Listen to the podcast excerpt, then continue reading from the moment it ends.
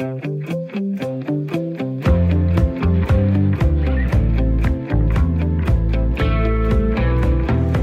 Sikkerhedsnettet er endnu en gang spændt ud under de virksomheder, som er ramt af nedlukninger og restriktioner for at undgå smittespredning med coronavirus. Både kulturlivet, restauranter, nattelivet og virksomheder, der lever af at arrangere julefrokoster for eksempel, har nemlig mulighed for at søge om hjælpepakker. Vi ser nærmere på hjælpen til de danske virksomheder i selskabet her på Radio 4 i dag. Vi er programmet, der stiller skarp på ugens store erhvervsnyheder, og det gør vi sammen med vores gæster, som kender erhvervslivet indefra. Jeg hedder Stine Lynghardt og er vært sammen med erhvervskommentator Jens Christian Hansen. Hej Jens Christian. Hej. For præcis et år siden stod vi jo også midt i en nedlukning. Dengang var vaccinerne lige på trapperne. Havde du forestillet dig, at vi igen i år vil stå i en situation, hvor dele af erhvervslivet er lukket ned eller begrænset af restriktioner, børnene er sendt hjem, hjemmekontoret er taget i brug osv. osv.?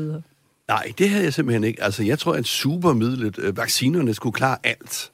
Uh, men vi er jo blevet klogere, og det er jo mange gode forklaringer på det nye variant af omikronen, eller hvad det nu hedder, mm. og så videre, og så videre. Men det sætter jo det spørgsmål, altså, hvor pokker er vi hen næste år, om to år, og næste gang der kommer en, en, uh, en, uh, en epidemi, eller måske er mindre målestok, lukker vi så delvis ned, og sådan, så der er blevet sat nogle helt nye standarder, synes jeg. Mm. Og hvad tænker du om det, altså den usikkerhed, det også skaber? Ja, men det tror jeg bare, det er en blivende, altså det er en blivende normalitet, kan du sige, ikke? Altså, øh, usikkerhed er jo en del, nu snakker vi, øh, vi er i erhvervslivet her, så det er jo en, en blivende øh, aktivitet. Alle dem, der arbejder ud, rundt om i verden, der er krige, der er naturkatastrofer, der er folkestemninger, så øh, øh, usikkerhed og ustabilitet, det er, det er en norm. Mm. Vi taler mere om hjælpepakkerne til erhvervslivet senere, hvor vi også skal gøre status over året for topcheferne i nogle af de store danske virksomheder. For hvem har gjort det godt, og hvem skal måske lige stramme sig lidt an i 2022? Det tager vi op senere. Men nu skal vi byde velkommen til vores to gæster. Vi har besøg her i studiet af Balder Johansen, daglig leder i byggefirmaet Logik og Co. Hej Balder. Hej. Og med på en linje har vi Peter Subli Benson, nordisk korrespondent hos Berlingske. Velkommen til dig også, Peter. Ja, tak for det. Er I ved at være klar til at gå på juleferie snart, eller var det lidt nu? Om det er jo en helt fredag, så det glæder vi os da til. Ja. Nå, jeg er i år det. Ja, der er kun en fredag i år, det er rigtigt nok. Hvad siger du, Peter? Er du ved at være klar? Jeg, jeg, jeg er simpelthen lige returneret fra Sverige med en stor håndfuld historier, som jeg sidder og tæsker løs på og skriver med andre ord. Så, øh, så nej, jeg er slet ikke klar. Der er stadig masser af arbejde, men dejligt, at I har tid til at være med her i studiet. Lad os kaste, ud, kaste os ud i det. Og først skal vi have et nyhedsoverblik. Hvilke erhvervsnyheder har du bedt særligt mærke i den her uge, Jens Christian? Ja, altså jeg har tænkt på Novo Nordisk, øh, og det kan du så sige igen, igen, igen. Novo Nordisk har vi jo tit med her i programmet, og det har jo også en naturlighed, fordi det er jo Danmarks øh, suverænt mest værdifulde selskab. Øh, det er dem, der har flest ansatte, i hvert fald sådan i den private del af, erhvervslivet. Jeg tror, det er omkring 15.000, altså på dansk jord. Men det, der skete i den her uge, det var jo, at Novo... Øh, øh, fik en, en losing øh, på børsen til en værdi af 200 milliarder kroner. Altså på en dag tabte de øh, på børsen, hvad det svarer til 200 milliarder kroner, fordi et fedmemiddel, øh, som jeg har øh, sat meget øh, næsen op efter. Jeg tror, det hedder Vegovi eller sådan noget i den stil, øh, som øh, er øh, øh, øh gjort klar her øh, på det amerikanske marked, skuffede. Ikke fordi det er skuffede, men fordi de, ikke, de, altså, de kan simpelthen ikke få leveret den der medicin, den nye, den nye øh, fedmemedicin. Og Uh, og så siger, uh, og så siger uh, børsen, uh, fondsbørsen, der hvor de handler aktier, siger, åh det ser ikke så godt ud. Vi handler jer lige ned 200 milliarder. Og det er jo kæmpestort beløb. Hvad er 200 milliarder? Jamen, det er et helt års forbrug i Social- og Indrigsministeriet, ikke? Bare for at sætte det i perspektiv. Og hvis jeg lige må knytte en enkelt uh, kommentar mere på, så er det jo, at det er lidt vildt det her. Og det er også uh, udtryk for, at de der medicinpriser jo er alt for høje. Skiftende øh, amerikanske regeringer og præsidenter har jo forsøgt at få de medicinpriser ned, Uh, og det er jo ikke lykkedes. Uh, så, så hvis det er to stærke lobbyer i USA, altså de bliver meget styret af USA, for halvdelen af Novos omsætning ligger i USA, uh, det er jo så våbenlobbyen og medicinallobbyen, som uh, formår at, at banke deres priser igennem derovre. Hvor mange milliarder var det, du sagde, det var? Jamen altså, de tabte på en dag øh, 200 milliarder. Det er alligevel en chat. Det er jo en chat. Valter, hvad har du bemærket i nyhedsbilledet? Jamen, jeg har, jeg har, jamen, jeg synes ikke, der har været sådan de store ting, men det, som jeg altid holder øje lidt med, det, er, det var, at jeg i går, jeg læste følger hver uge konkurserne i byggebranchen. Og det synes jeg stadigvæk er lidt skræmmende. Ikke fordi, at, det er sådan, at indtjeningsmulighederne er blevet bedre, men der er trods alt lidt mere stabilitet i forhold til mange ting. Og jeg har tit tænkt over, at det er sjovt, der ikke er sådan noget statistik på, hvorfor det sker, fordi der, der bliver bare meddelt konkurs på grund af hvad? Kan det være dårlig ledelse? Er det mangel på ordretilgang? Er det fejl og mangler? Er det ren og skær fodboldfiduser? For det kunne være meget sjovt at vide også, fordi hvis det er fodboldfiduser, hvorfor søger man så derover for at lave så mange konkurser, som man trods alt alligevel ikke synes, man ser i andre brancher størrelsesmæssigt taget, altså den størrelsesforhold, der er, ikke? Så øh, ja, men det bekymrer mig altid, og nogle af de helt store barslån er jo også øh, gået konkurs. Og, men og mange af de små balder, hvis jeg lige må ja. Øh, stille spørgsmål, altså det er vel også ret let øh, at starte et, et, et selskab i byggebranchen, er det ikke? Det er ligesom i entreprenørbranchen, så skal du have en skovl, øh, som man siger. Og det er vel også i byggebranchen, hvis man siger, hvis man går ned og ser en, en E- enkelt elektriker osv., så, så kommer man ind med for lidt kapital der? Eller? Ja, det kan godt være en af mulighederne, men jeg tænker bare, det findes jo så mange andre brancher. Hvem starter ikke caféer og bagerier og sælger noget på internettet og sådan nogle ting? Altså, jeg synes bare ikke, det kan godt være, der er lige så mange, men, men for os der er det mange, også fordi vi måske bruger mere tid på at opgøre det, fordi man altid skal se, vi skal jo altid holde øje med den. Vi skal holde øje med hvad de, dem, der, der tjener rigtig mange penge. Hvordan gør de? Fordi dem kan vi måske lære noget af. Men vi skal også holde øje med, hvor mange falder af bagud af vognen, for at finde ud af, er det nu, der er krise, eller hvornår kommer den, ikke? Fordi vi er jo altid, vi er jo så kriseparate altid, fordi vi, altså der skræmmer sårene siden øh, 80'erne og 70'erne og sådan noget, og 90'erne og 0'erne og men nu siger du, det er mange konkurser. Altså, hvor mange er det sådan? Altså, hvad nu... snakker vi om? Ved, øh, kender du tallene? Nej, men, men jeg synes, jeg synes at, at øh, altså, og, jeg, jeg mener, den her uge her, der var vi, der var vi under 100, men, men stadigvæk, altså, der, jeg kan huske dengang, hvor der var 400 om ugen, ikke? Men altså, der er jo mange også enkeltmandsfirmaer og sådan nogle ting, så det er jo det, men det er bare sådan den samlede mængde, der er lidt stor, ikke? Peter, du har også lige en kommentar. Nå, men jeg, jeg vil gerne spørge Balder, fordi øh, jeg tænker jo, hvad, hvad tror du er begrundelsen? Fordi jeg kan, jo, jeg kan jo høre, at der bliver pevet over, at der mangler medarbejdere selvfølgelig, øh, faglige medarbejdere. Og som, som, øh, som privat kunde, i, øh, i, øh, når, når der nu skal gøres noget i have eller hus, så ved jeg, hvor dyrt det er lige nu, og hvor svært det er at skaffe nogen. Så hvis ikke man kan overleve lige nu, hvordan bliver det så ikke, hvis vi vender tilbage til en eller anden normalitet i branchen? Jamen, jeg har ikke, altså jeg vil sige sådan, der er jo to brancher i byggebranchen. Der er den, der, der servicerer de private, som du snakker om, der skal skifte en stikkontakt og sådan nogle ting. Og de har gode tider, dem har der, de kan ikke skaffe folk nok. Men alle os, der, der renoverer større bygninger og laver større byggeprojekter, og, altså sådan bare projekter på, for over på 100.000 eller sådan noget, vi, har, vi oplever ikke en, en mangel på arbejdskraft. Det er meget specialiseret arbejdskraft, så altså man tømmer tømmer og sneker og den slags ting der. Så nogle gange mangler der mur, og nogle gange mangler der ikke mur. Det er sådan lidt med forskel, ikke? Så, øh, så, så jeg kan ikke... Jeg kan, jeg kan ikke se, at det har noget med lige præcis det at gøre. Jeg tror, det er en masse andre ting, øh, som, som, som gør sig gældende nu. Peter, vi skal også lige runde dig. Hvad har du bemærket i nyhedsbilledet? Ja, altså jeg har jo fornøjelsen af at være, øh, have været en del af mediebranchen i snart mange år, også øh, nu ansat i huset Berlingske som, som øh, kvæg en vis øh, BT-sag, hvor chefredaktør Dyrby, han, øh, han, han trak stikket, eller hvad han nu gjorde, efter, efter de her mange historier om MeToo. Så, så det er et emne, som, som optager mig og den branche, jeg nu er i. Men, men jeg synes, det er super interessant, at der sådan drøbvis dukker sager op ude fra det, som jeg vel kan kalde det rigtige erhvervsliv. Vi så tidligere, Øh, øh, hvordan øh, der blev skrevet om Danbreed, det her øh, landbrugs, den her landbrugsvirksomhed, som, som, øh, som, hvor topchefen viser sig at have lavet egentlig sexikaner, og så efterfølgende røg ud sammen med i øvrigt med en, en række ledende typer fra landbruget. Det var, det var tiltrængt i øvrigt, for håndteringen var mildt sagt elendig. Nå, nu har vi så set Mads Drilling, som har, som har en bestyrelsesformand, øh, Claus Hemmingsen, som har været ude og erkende, at han har givet advarsel til den nuværende topchef, Jørgen Madsen hedder han, ikke for øh, sexikane, men fordi at at topchefen havde råbt af en menig medarbejder, som i øvrigt øh, øh, blev fyret ganske få dage efter. Øh, så så, så, så det, den måde, vi omgås på arbejdspladsen, hvad enten det så er øh, øh, MeToo-sager, eller i det hele taget, hvordan vi agerer over for hinanden, hvordan ledelser agerer over for menige medarbejdere, også den anden vej rundt, det synes jeg bare er et tema, som er super interessant, og Når alt fokus nu har været rettet mod TV2 eller øh, Berlingske eller andre i mediebranchen, så er min påstand bare, at det er fordi, at vi er offentlige størrelser, som, man, som, som har medarbejdere, der taler meget, og vi er nemmere at se. Men jeg tror desværre, at det er kun toppen af et isbjerg. Og du mener også, at det er sådan lidt tiltrængt det her med, at vi også flytter fokus på nogle andre dele af erhvervslivet i den her snak? Jeg er da ikke i tvivl om, at der er mange, der sidder og putter sig, fordi at, øh, de godt kan se øh, og sidde og kigge ud i kontorlandskabet og ved, at der foregår ting og sager.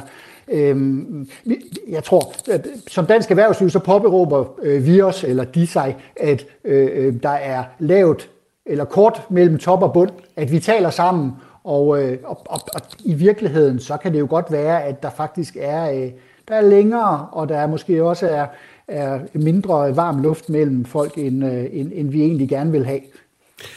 Ja, Peter, ja, øh, øh, det er jo øh, super interessant alt det der, men jeg tænker også, på et eller andet tidspunkt skal vi vel have defineret, hvad er god tone på en arbejdsplads. Nu siger du at råbe ad.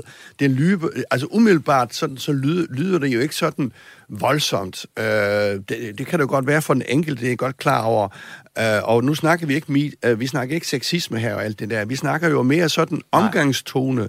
Så hvad er skal vi til at have defineret, øh, hvad det i grunden er, og det er måske forskelligt fra arbejdsplads til arbejdsplads, hvad det sådan er definitionen på god tone? Jeg, jeg tror, at selvfølgelig er, det, er, det, er, det, er der forskel. Øh, jeg tænker, hvis du render rundt i en bank, er du nok ikke vant til at blive råbt af. Og hvis du render rundt i et olieborerselskab øh, som Mærsk Drilling, er du nok heller ikke vant til, at topchefen står ude i et åbent kontorlandskab og råber af en menig medarbejder. Det kan godt være, at man er vant til det øh, øh, andre steder. Og jeg, jeg, jeg er ikke tilhænger af et eller andet form for regelsæt, som nogen vil presse ned. Men jeg er tilhænger af, at vi faktisk taler om det. Og jeg er tilhænger af, at folk egentlig også, uden at vi bliver skinger, men egentlig forsøger at få, få, få, få, få sat nogle ord på, hvad der, hvordan, hvordan det sker derude.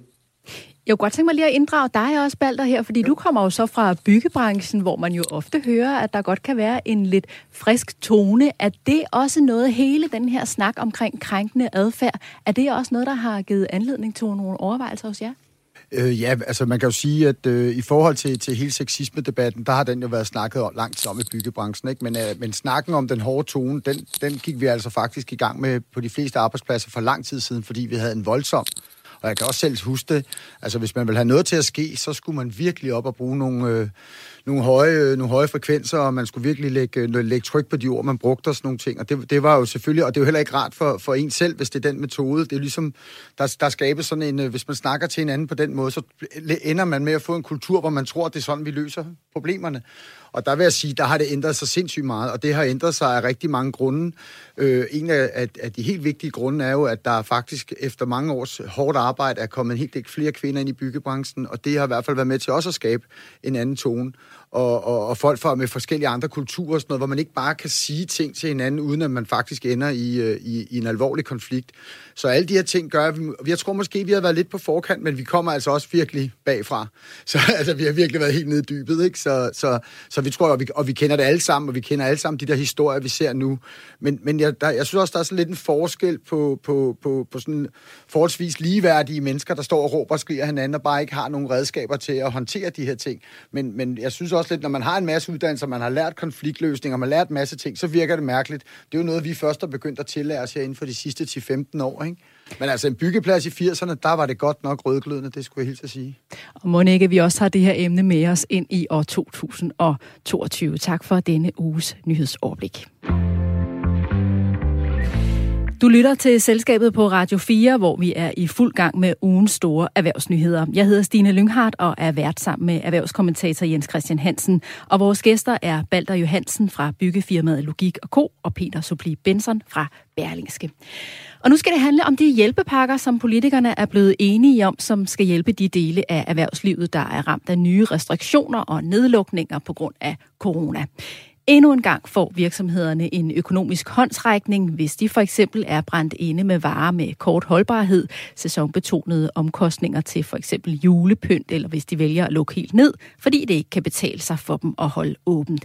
Det er der allerede nogle restauranter, som har valgt. Og så er der selvfølgelig også idræts- og kulturlivet, hvor for eksempel teatre, museer, biografer, spillesteder er lukket ned, og de kan selvfølgelig også søge om kompensation i hjælpepakkerne. Hvad er jeres øh, umiddelbare tanke omkring de her øh, hjælpepakker? Skal vi starte hos dig, Jens Christian? Jamen, jeg synes, den er, den er... Altså, der er mange ting at sige om det her. Altså, både godt og skidt. Altså, de, de gode ting er selvfølgelig, at du, du banker ikke, hvad skal man sige, bunden ud af en branche, fordi hvis du bare lige sådan lukker, øh, og der ikke er noget kompensation, øh, så, øh, jamen så, øh, så er de jo i hvert fald snart i konkursen, øh, øh, øh, på konkursens rand meget hurtigt.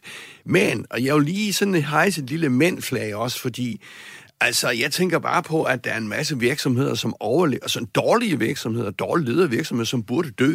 Altså, vi lever i en markedsøkonomi, hvor virksomheder øh, øh, øh lever og dør øh, øh hver dag.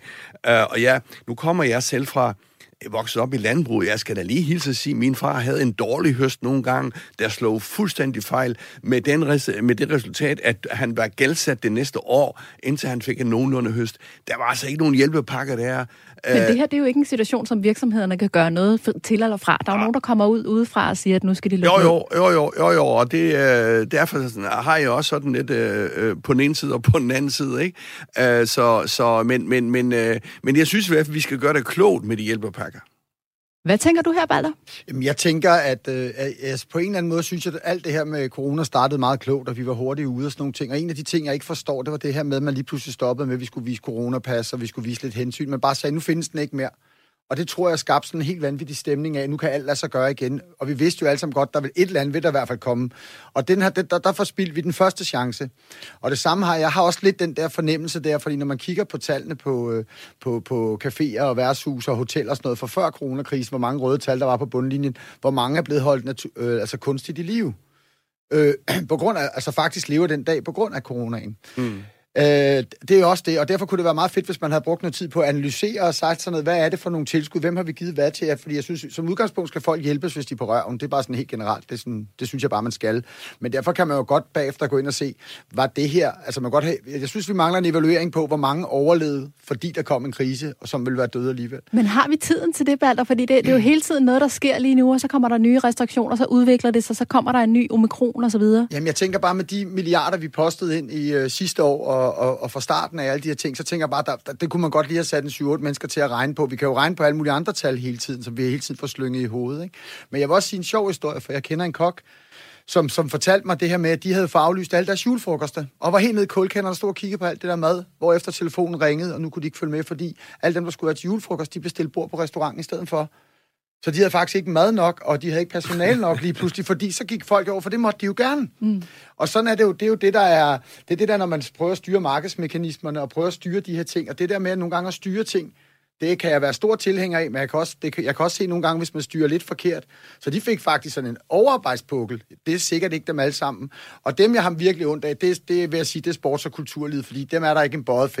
Altså, det er ikke, de er på randen til at være statsstøttet alle sammen, undskyld, jeg siger det, men og det synes jeg også, de skal være, for de to vigtige ting. Ikke? Men dem har jeg virkelig ondt af. Men jeg tror godt, man kunne kigge lidt dybere ned i, i visse af de her brancher her. Ikke? Jeg kunne godt tænke mig lige at blive hængende hos dig, Balder, fordi du repræsenterer jo så byggebranchen, som jo ikke umiddelbart er en del af de her nye hjælpepakker, fordi I holder jo åbent. Men jeg ved jo, at I også er mærket af corona. Kan du ikke lige prøve at fortælle lidt om det?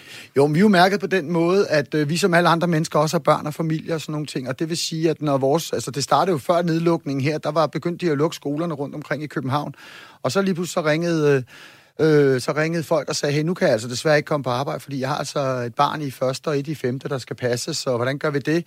Og jeg har ikke mulighed, altså, og, og, og hvis begge forældre er udarbejdende, så er der ikke engang nogen hjemme til at passe. Øh, altså hjemmearbejde kunne så blive en erstatning for det, så var der nogen, der betalte. Og så, hvad gør folk så for det? Så er det en, to, tre dage, så bliver den åbnet igen. Så er der sådan nogle regler med, at man kan få noget barsel, og man kan få nogle sygedagpenge og sådan noget, men, men det, er sådan, det er sådan helt små beløb, og som er et kæmpe arbejde at skaffe for så lidt. Men det betyder faktisk, at vi måske har været, i hvert fald det sidste måned, har været sådan startet med 10 procent, manglede hele tiden 15, 25 indtil nu, hvor det er over 50 procent, der bare har været hjemme siden midt i sidste uge, og så må vi jo se, hvordan det går. Vi kan af gode grunde ikke arbejde hjemme.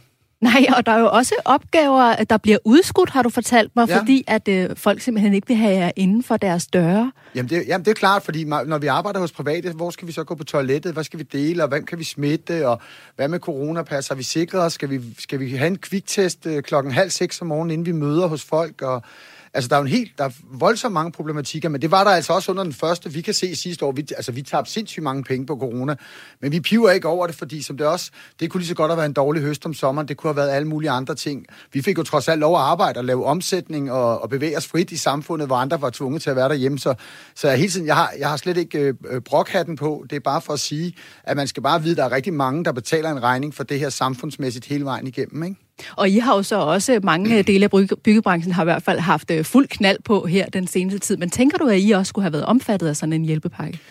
Jeg, jeg ved ikke, om jeg, jeg synes, hjælpepakker skal til dem, som lider. Men hvis det nu, hvis det nu viser sig, at der er nogle folk, der, der er på nippet til konkurs, øh, når der er gået et halvt år, tre måneder eller et eller andet, så kunne man måske godt sige, jamen her kan I få en hjælp, altså, hvor man måske fik hjælp til at, at komme ud af sin konkurs. Eller nu, ja, nu er jeg ikke sådan helt specialist på, hvordan man gør sådan noget, men det, det vil jeg da mene vil være rimeligt, at, at, at hvis det var på grund af det her corona, ikke? Peter, så vil jeg gerne øh, vende mig til dig, øh, fordi nu siger Jens Christian det her med, at, øh, at måske var der i virkeligheden bare nogle virksomheder, som skulle være døde. Det var det, jeg forstod, at, at du sagde. Altså, ja. at der, der i virkeligheden var nogle virksomheder, som, som måske burde gå konkurs. Er du enig i det, at vi kommer til at holde hånden under nogen, som i virkeligheden burde være gået konkurs? Ja, I princippet så er markedsøkonomien sådan, at hvis ikke du er stærk nok, og hvis du i øvrigt ikke forstår at, at, at gemme lidt på, på kistebunden til dårlige tider, så, så, så, så risikerer du at lukke ned. Øh, øh, hvis ikke du er dygtig til at drive din virksomhed, så risikerer du at gå ned. Øh, ja, så jeg kan, jeg, jeg kan godt genkalde mig øh, dele af, af, af den sammenholdning. Jeg synes, det er rigtigt og nødvendigt at holde hånden under brancher, som bliver øh, kastet ud i nedlukninger på, kort, på den korte bane. Jeg synes, ligesom Balder i øvrigt, at vi i Danmark har været klart for dårlige til at tage læring af, hvordan vi håndterede øh, første runde, og det gælder i øvrigt øh, øh, på alle planer, hvordan øh, vi testede, hvordan vi vaccinerede, men også hvordan vi fordelte det økonomiske bytte efterfølgende i form af, af støtteordninger. Øh, det har vi netop ikke taget ved lære af. Det gør man faktisk mere, eller har man gjort mere ud af, blandt andet i Norge, hvor man også lige nu diskuterer øh, nødhjælpspakker. Og så en pointe, som jeg synes er vigtig, det er, når vi har set på regnskaber, i hvert fald for rigtig, rigtig mange af de bare lidt større virksomheder, også fra coronaperioden, så er der mange, der det er gået rigtig, rigtig godt for. Og når man går ned og kigger, kan man se, at de har hævet en del af dem i hvert fald, solide overskud hjem, som er blevet sendt videre til i form af blandt andet udbytter. Vi, ser, vi har set i USA, øh, vi har set i England også senest, hvordan øh, Øh, fagforeninger, de, øh, de nu begynder at skrue op for en kamp, hvor de siger, vi er blevet offerne i coronaperioden. I har fået statsstøtte. I har samtidig betalt store udbytter ud, men vi er blevet sendt hjem uden løn. Vi har stort set ikke fået, fået nogen del i nogen støtteordninger, og så samtidig er det blevet brugt coronaen til at, at ødelægge vores, øh, vores vilkår, når vi så skulle tilbage på arbejdspladsen. Så der er faktisk mange lag i, øh, i, i det her, som, og derfor, som Balt også siger, diskussionen er, er ikke bare enkel. Øh, men det der med at tage noget læring af, hvad vi gør hvad vi, øh, og hvad vi erfarede i første runde, det, det synes jeg er vigtigt. Jens Christian, kan du ikke prøve at fortælle lidt om, hvad det egentlig havde betydet, øh, ikke kun for virksomhederne, men også for dansk økonomi, hvis det her sikkerhedsnet ikke havde været spændt ud? Åh, oh, jamen, det er nok et svært... Altså, så skal man til at snakke øh, om sådan noget øh, makroøkonomi, ikke? Øh, øh, øh det, det, altså, hvor hele, øh, hvor hele Danmark, hele verden var lukket ned, øh, og, og så videre, og så videre. Altså, det tror jeg ikke give et bud på, men ja, til gengæld kan jeg sige, at... Øh, at statens øh, kasse er, er, er så rigeligt velpolstret til at komme med alle disse hjælpepakker. Øh, altså, øh, statskassen, den er i realiteten uudtømmelig, fordi statskassen, det er os alle sammen. Altså, hvis Nikolaj Vammen, finansministeren, mangler penge, så, så hæver han bare skatterne, og omvendt, hvis han har for mange, så kunne han, øh, så kunne han øh, sænke skatterne. Så for staten, om de skal betale 10, 20, 30, 100, jeg siger ikke, det er lige meget, men de kan sagtens finansiere det, og den danske stat på nuværende tidspunkt øh, har en fantastisk stærk øh, indrigs, hvad skal man sige, økonomi, i øvrigt også en øh, øh, global økonomi, og de kan låne til 0% i rente i øjeblikket. Så, så vi, kan, vi kan no godt problem. For, så vi kan godt fortsætte også med at spænde det her sikkerhedsnet ja, det ud, hvis vi, nu vi bliver lukket ned igen Ja, det kan igen, vi sagtens igen, gøre, men, men øh, hvad de der øh, øh, regnestykker er, hvor meget man skal give. Altså hvis man giver 10 milliarder, øh, sparer man så en udgift på 50 milliarder, eller hvad ved jeg. Det, dem, de regnestykker kender jeg ikke. Lad os runde dagens første emne af her. De nuværende restriktioner, som trådte i kraft i søndags, skal efter planen ophæves den 17. januar.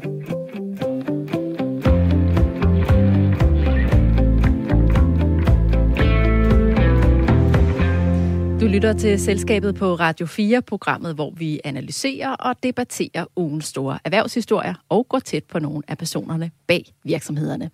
Jeg hedder Stine Lynghardt og er vært sammen med erhvervskommentator Jens Christian Hansen. I studiet har vi besøg af Balder Johansen, daglig leder i byggefirmaet Logik og Co. Og med på en linje er Peter Supli Benson, nordisk korrespondent hos Berlingske. Og nu skal vi have en quiz. Hvis der ligger ekstra store julegaver under træet i år, så er det ikke så overraskende. Vi danskere har nemlig aldrig været rigere. En gennemsnitlig families formue voksede til 2,3 millioner kroner sidste år, og det er rekordviser tal fra Danmarks Statistik. Ens formue er defineret som værdien af ens bolig, bil, opsparing, værdipapirer og pensioner, fratrukket gæld. Og grunden til, at danskernes formuer er steget, det hænger blandt andet sammen med de stigende boligpriser og stigende aktiekurser i løbet af 2020. Og nu fortalte jeg jo, at den gennemsnitlige families formue er 2,3 millioner kroner, men hvor stor en stigning er der tale om fra 2019 til 2020?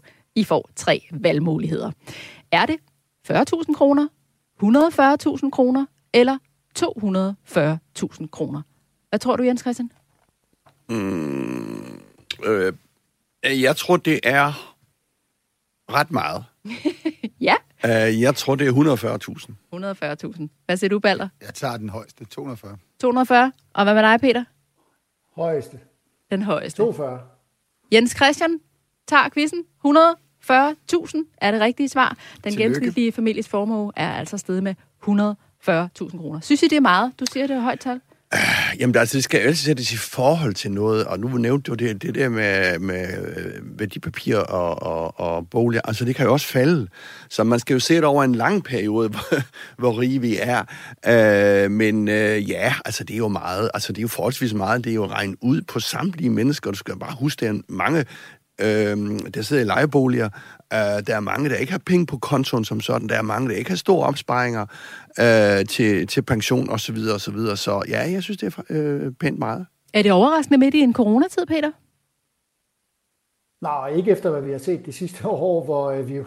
Det, det, altså de, for, den første måneds tid efter krisen var alt jo øh, forfærdeligt, også aktiekurser, øh, og så tog det helt af jo. Øh, sommerhuspriserne eksploderede, alt eksploderede. Øh, må ikke vi nu øh, sådan lige får en periode, hvor, hvor det hele lige finder et lidt lavere leje, og så, øh, så taler alle jo om, at, at, at grundsubstansen eller ingredienserne til en egentlig vækst, den er til stede, men i et roligere tempo. Det vil nok være sundt for alle. Er det også noget, I kan mærke i dit byggefirma, Balder, at danskerne de har flere penge mellem hænderne? Nej, det vil jeg sige, vi kan, og vi kan heller ikke selv mærke det. Vi er ikke stedet løn i mange år, så det, det er noget andet. Men jeg vil også sige, det, det må være, der må være nogle tal i det her, der er sjove, ikke? for jeg tror, at det er der under halvdelen af den danske befolkning, der er med i den her statistik. Altså fordi, hvad med de der sådan 800.000 på overførselsindkomster og pensionister, der er rene og skære folkepensionister, og bare sådan almindelige lønarbejdere, der bor til leje i et almindeligt bolig og sådan noget der. Men jeg tror generelt, vi har flere kontanter mellem hænderne. Altså, vi bruger flere penge, og det gør vi selvfølgelig også, fordi nu tager vi ikke til udlandet og bruger dem på samme måde som før. Jeg tror, jeg tror det er i hvert fald min fornemmelse, at der kommer hurtigere tøj på hylden, og der kommer hurtigt ud at spise, og man får, køber ekstra god mad og sådan noget. Det kan, har jeg ikke noget belæg for, og jeg er bare københavner og ved, hvad københavner gør, men jeg kan i hvert fald se, at dem, jeg bor i by med nu, de er pænt meget rigere, end det var, da jeg var barn i 80'erne. Det er noget helt andet. Jamen, det ved vi altså. Altså, folk, altså vi kan se, at alle restauranter er jo fyldte til bristepunkt, ja. også en mandag og en tirsdag. Men må ikke lige når der knytte... ikke lige er corona. Ja, ja, når der ikke lige er corona.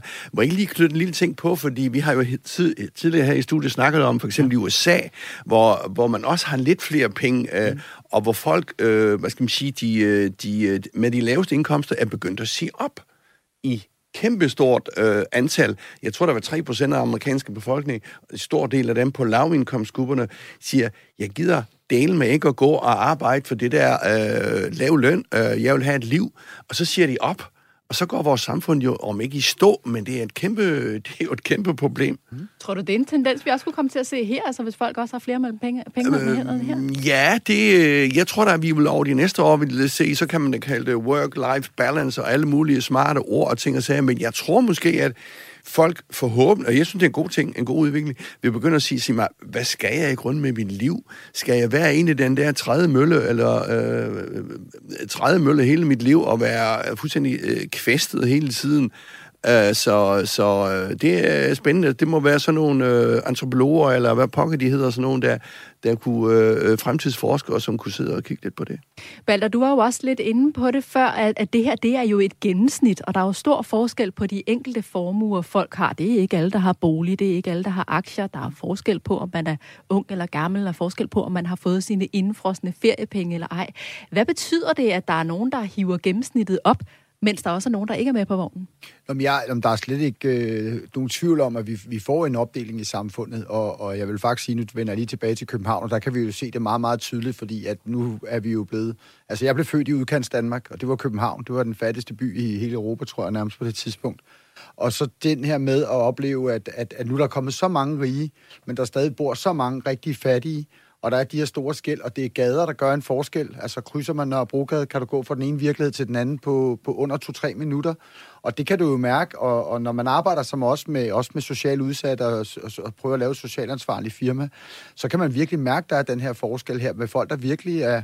Og det kan man også se, den her sygdomsting her med, hvordan altså, de er dårligere til at gå til lægen. De har, altså, de har sådan nogle ringer, og forståelsen for coronas øh, problemer og sådan nogle ting er meget, meget ringere, fordi de simpelthen ikke har et overskud i deres tilværelse til, til at forstå mange af de her ting her. Ikke?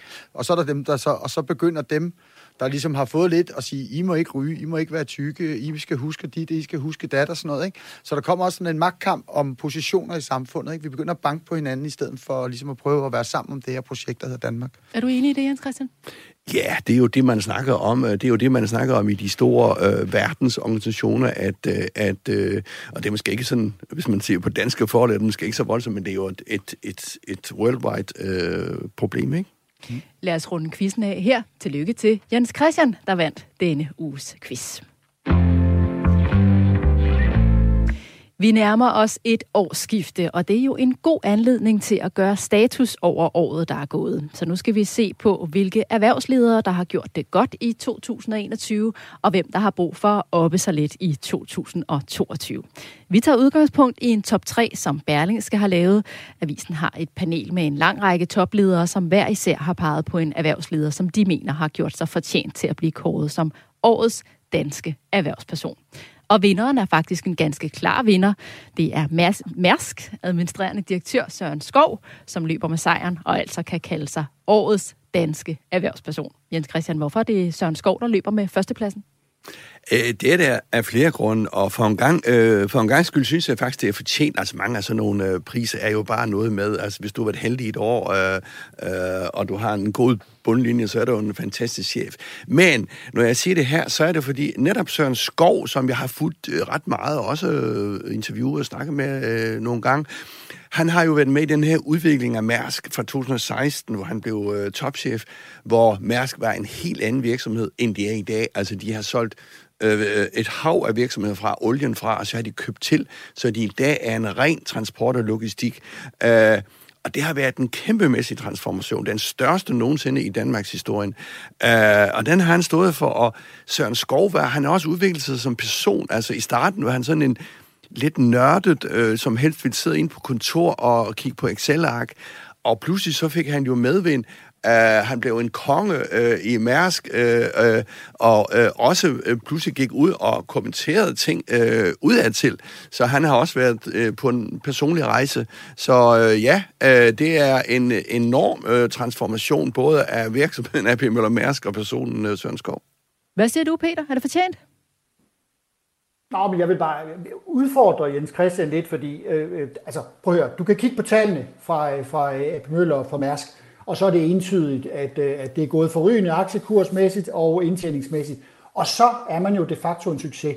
Jeg vil sige, at beslutningen om at transformere AP Møller, skille ud, øh, sælge fra, og så få skabt den her del af virksomheden, så en logistikvirksomhed og transport, det er sådan Skov, Øh, den, den kom med nogle andre. Det var nogle andre, der træffede den beslutning. Anyway, jeg vil også med nysgerrighed kigge, nærlæse tallene, og så sige, at det er faktisk den gamle del af, af Mærsk, som jo leverer, fordi at transporten af varer er så horribel øh, voldsom i øjeblikket. Efterspørgselen er så stor, øh, så derfor er priserne så høje. Så det er der, de høvler penge hjem. Det er vanvittig god timing for Søren Skov og for Mærsk, fordi de får penge på bundlinjen, så de kan gøre, at de transformerer den her virksomhed for alvor. Jeg synes, der begynder, og det vil jeg også øh, give øh, Jens Christian øh, ret i, der begynder at tegne sig et billede af, fremtidens Mærsk. Netop en virksomhed, som ikke bare skal sejle et skib fra A til B, men skal putte flere serviceydelser på. Og det begynder de at både have, have, have penge til, men egentlig også få sat nogle flere ord på, øh, og også træffe beslutninger og købe op, så de, så de begynder at ligne, hvad de skal være fremover. Point, pointet er bare, hvis jeg lige må sætte den på, at du bliver ikke en succesrig topchef, hvis du ikke har heldet med dig. Altså held betyder utrolig meget i erhvervslivet. Altså vi tror sådan, at alt er planlagt til mindste detalje, men det er held. Og der har Peter jo øh, for en gang skyld øh, lidt ret. Øh, men der har han jo lidt ret i, at han har jo altså de der stigende fragtpriser, øh, Suezkanalen, altså alle sådan nogle ting, som har været med til at, altså det der skib, der satte sig på tværs, og så tænker man, nå ja, hvor, øh, var det en uge eller sådan noget, men det har bare sat hele øh, den øh, øh, internationale øh, øh, skibstrafik øh, øh, øh, i urotten. Ikke? Samlet, samlet set er fragtpriserne i stedet, og det er jo ikke Søren Skovs fortjeneste, det er heldet, øh, men du skal have held som topchef. Hvad siger du til det, Peter? Nå, jamen, Søren Skov har været heldig. Men, altså, Søren, øh, som Jens Christian og jeg vel har interviewet sammen, tror jeg i øvrigt, øh, at der er ikke tvivl om, at han kan sin, øh, han kan sin forretningsdrift. Så, så Mærsk fremstår jo også øh, skarpt tunet i, sådan, i grundforretningen. Og det, der stadigvæk for mig er det, det, det, det åbne spørgsmål, det er, kan han og kan virksomheden lægge de der nye lag på, som gør, at de om 25 år er den der logistikgigant, som kan alt muligt andet end bare få transportere nogle metalkasser med noget, noget forskellige øh, billig harpengud øh, fra, øh, fra Kina til Europa og USA. Men er Søren Skov så manden, der kan gøre det, eller har han bare haft heldet med sig? Men det er sjovt nok, det som Jens Christian siger, nemlig at selvtillid også gør noget, fordi øh, Søren Skov han fremstår som en anden person i dag, end han gjorde for, øh, for fem år siden. Det er der netop ikke tvivl om. Og, og selvtillid, øh, det, det, det gør altså også, at man tør tage beslutninger, fordi man faktisk tror, man kan gøre det med succes. Og det tror jeg har gjort rigtig godt for, øh, for, den, gode, for den gode skov dernede. Ikke? Så samtidig, og jeg gætter bare nu, så har han også skulle øh, bevise sig over for øh, baglandet, altså ejerfamilien, øh, det vil sige Møllerfamilien, Ugla-familien, og når han leverer, som han gør, og dermed leverer udbytter og aktieafkast, som han gør til ejerfamilierne, så får han også ro og støtte derfra, og han får lov til at bruge de penge på for eksempel opkøb, som han har lyst til. Så, så på den på den øh, mellemlange bane, ja, så tænker jeg, at Søren Skov han er den rigtige, og så, øh, hvad der sker om fem år, øh, så, øh, så, så kan det netop være, at, øh, at man skal en, en, på, på et nyt niveau med en person, som er mindre af den gamle skole, øh, og, og, og mere har en eller anden digital øh, og sådan en grundsubstans i sig. Spørgsmålet er, hvor kendt Søren Skov er i den brede offentlighed. Vi har sendt vores reporter på gaden i København for at spørge danskerne, om de egentlig kender Søren Skov. Prøv at lytte med her. Ved I, hvem der er topchef i Mærsk? Og er det ikke en svensk dame, Uglas? Ja, det gør jeg. Øh... Nej, det kan jeg sgu ikke huske. Øh... Ej, jeg kan sgu ikke huske det. Pinligt. Det burde man jo vide, ikke? Ja. Ja. Ugla. Nej. Det ved jeg ikke, nej. Topchef i Mærsk. Øh... Den gamle, han død. Ja, ja. Han hedder... Oh, hav, hav, hav, hav. Jeg kan ikke huske, hvad han hedder, men øh, så ved jeg det faktisk godt. Vi øh, pusser vinduer derinde. Ja, så. Okay. Ja, Skov. Ja? Ja, han har lige fået en pris jo. Det fik han jo forleden dag, ikke? Så det skulle alle jo vide jo. Ja. Han hedder Søren Skov. Ja, det er rigtigt. Ja. Kender du noget til ham? Ja, ikke, ikke, ikke så meget, altså egentlig ikke. Hvorfor tror du, at topcheferne i Danmark generelt set er ret ukendte? De lever deres eget liv deroppe på toppen. De har vel ikke behov for at profilere sig, tænker jeg. Spørgsmålet er, om, om Danmark er et sted, man vil øh, bruge sin energi. Så for det første er der jo mange af dem, og for det andet, så for eksempel i Mærsk, så er det jo ikke nogen fra Mærsk, der sidder på topposten mere.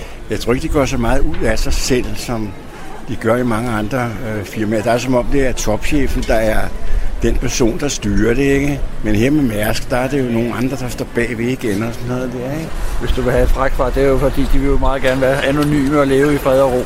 Man hører sådan lidt om, om uren travhist og pist, ikke? Synes du, det er et problem? Det kommer an på, hvordan de markedsfører sig, de forskellige virksomheder. Altså, nogen har måske brug for at gå ud og, og få et stærkt profil ved en person. Andre har mere brug for, at det er hele virksomheden, der går ud og, og, og, og brander sig. Og det synes jeg egentlig er godt at mærke, at det ikke er en enkelt person, der brander sig. Så kan du også bare skifte ud. Lad os nu sige, at Søren Skov han ikke performer så godt. Ikke? Så kan de bare fyre ham. Så, ja, han er fyret, når han så ikke? Det må aldrig komme an på en person i en virksomhed. Det, det er en dårlig strategi. Der er en del her i klippet, der lige skal tænke sig om en ekstra gang, da de bliver spurgt om, hvem der er topchef i Mærsk. Og flere peger på Mærsk-familien og Ane Mærsk McKinney Ugla, som er familieoverhoved og bestyrelsesformand for AP Møller Fonden og AP Møller Holding. Så man kan jo godt forstå, hvorfor flere peger på hende. Men er det overraskende, Jens Christian, at navnet på den administrerende direktør ikke ligger lige på tungen hos danskerne?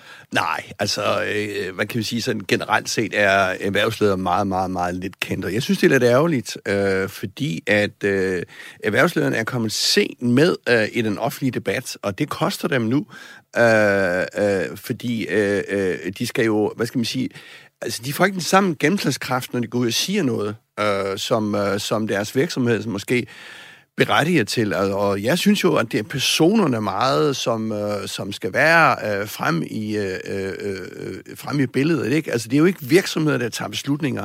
Det er personer, der tager beslutninger.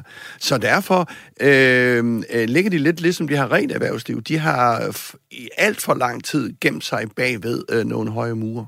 Hvad vil det betyde, hvis de kom mere frem og deltog endnu mere i samfundsdebatten? Jamen, det er de jo tvunget til nu, fordi altså, nu har vi jo hele MeToo-debatten og sådan noget, og det er jo en øh, debat, man skal, man skal være i. Du har hele klimadebatten, altså stand, og samfundsansvarlige debat, øh, og unge mennesker, øh, der skal rekrutteres, jamen, de vil have noget at altså, de vil have noget værdi med i deres job øh, langt hen ad vejen, så det bliver vigtigere og vigtigere. I klippet der hørte vi også nogle rigtig gode bud på, hvorfor topcheferne ikke er mere kendte. De har ikke behov for at profilere sig, lyder det blandt andet. Og der er også en, som siger, at det er decideret en dårlig strategi, når det handler om personen frem for virksomheden. Er du enig i det, Balder? Åh, det kan være meget, for, meget forskelligt. Man har jo nogle brancher, hvor man har brug for at have en popstjerne, ikke? Og man kan jo sige, at øh, der, jeg tror, at der er en mere end... Jeg kender heller ikke navnet. Men jeg ved, hvem der er formand, bestyrelsesformand Jim, ha- Jim Hagemann Snappe, fordi han har jo måske været en af dem, der virkelig også står bag, så man er jo aldrig alene, man er et team.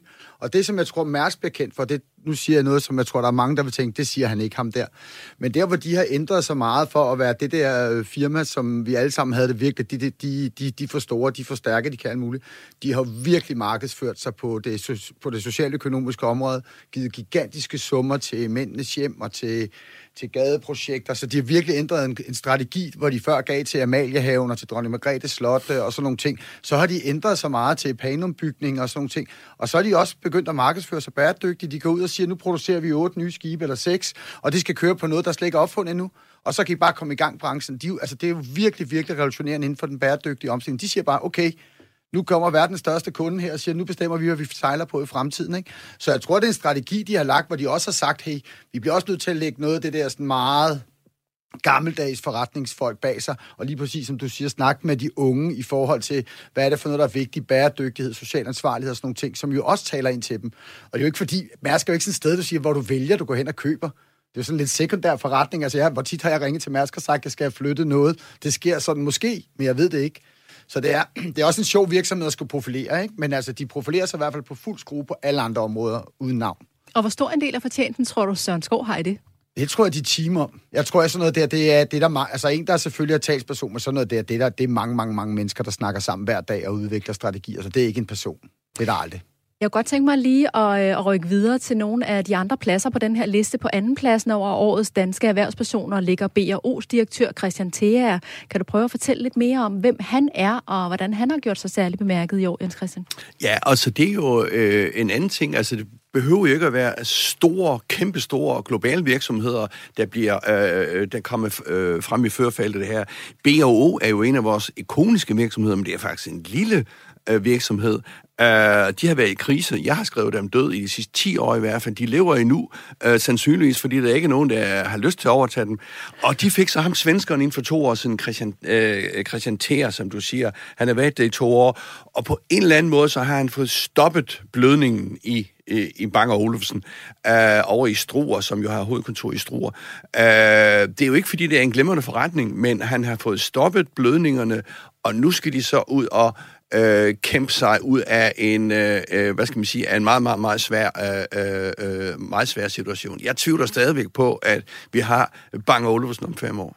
Lad os også lige runde tredjepladsen i Berlingske kåring af årets danske erhvervsperson. Den deles mellem Kim Fausing fra Danfoss, Karen Frøsig fra Sydbank og Jakob Brunsborg fra Jysk. Hvad siger du til tredjepladsen? Ja, okay. Altså Danfoss er et øh, vores øh, største industrivirksomhed hjemme, tror jeg nu efterhånden. Uh, de har øh, været super øh, heldige, dygtige med nogle topchefer. De har lavet omstillinger også. Uh, så det er i realiteten en, øh, en, klima, øh, en klimavirksomhed i dag. Er der nogen, I savner på den her liste? Hvad siger du, Peter? På toplisten? Mm. Nej, men jamen, jeg bliver sådan lidt, i øjeblikket bliver jeg lidt... Øh, jamen, jeg er todelt, fordi en ting er, at jeg kigger på bundlinje, øh, og der, der, der synes jeg, der egentlig er jo en del i den her tid, der har, har præsteret godt, og så, øh, så kigger jeg, lidt som Balder også talte om før, faktisk på, øh, på de virksomheder, som sådan står lidt, står lidt ud, og som på nogle måder Mærsk har gjort med, øh, nu nævner Balder, at fonden har været ude og finansiere det ene og det andet, men, men de laver jo også, de har, de har øh, skibsejlene rundt og prøver at indsamle mikroplast i havene, og, og, og, og det, er jo, det er jo sådan nogle ting, som jeg synes øh, sætter en ny kurs for en virksomhed, og en ny tone for en virksomhed, nok også internt, og det er altså lige så vigtigt som, en ting er, hvordan vi opfatter det, men internt er det jo vigtigt, for man skal have lyst til at arbejde for en virksomhed. Der må godt være en, et mål øh, og en vision for den virksomhed, man vil være i. Og det, så der, der synes jeg faktisk også er et, øh, et plus til, til Mærsk. Vi skal også lige nå at se på, hvem der har haft knap så godt et år. Hvem vil du fremhæve, Jens Christian? Øh, jamen, altså to virksomheder, som er meget udfordret. Det er Lundbæk. Det er også en medicinal virksomhed. Der hedder øh, topchefen Deborah Dunshire, som kom til for en to-tre år siden. Og øh, som vi ser i erhvervsjargonen, øh, Lundbæk ligger fuldstændig flad. Øh, den har ikke udviklet sig det sidste par år. De mangler noget i deres pipeline, som her, de mangler nogle nye produkter.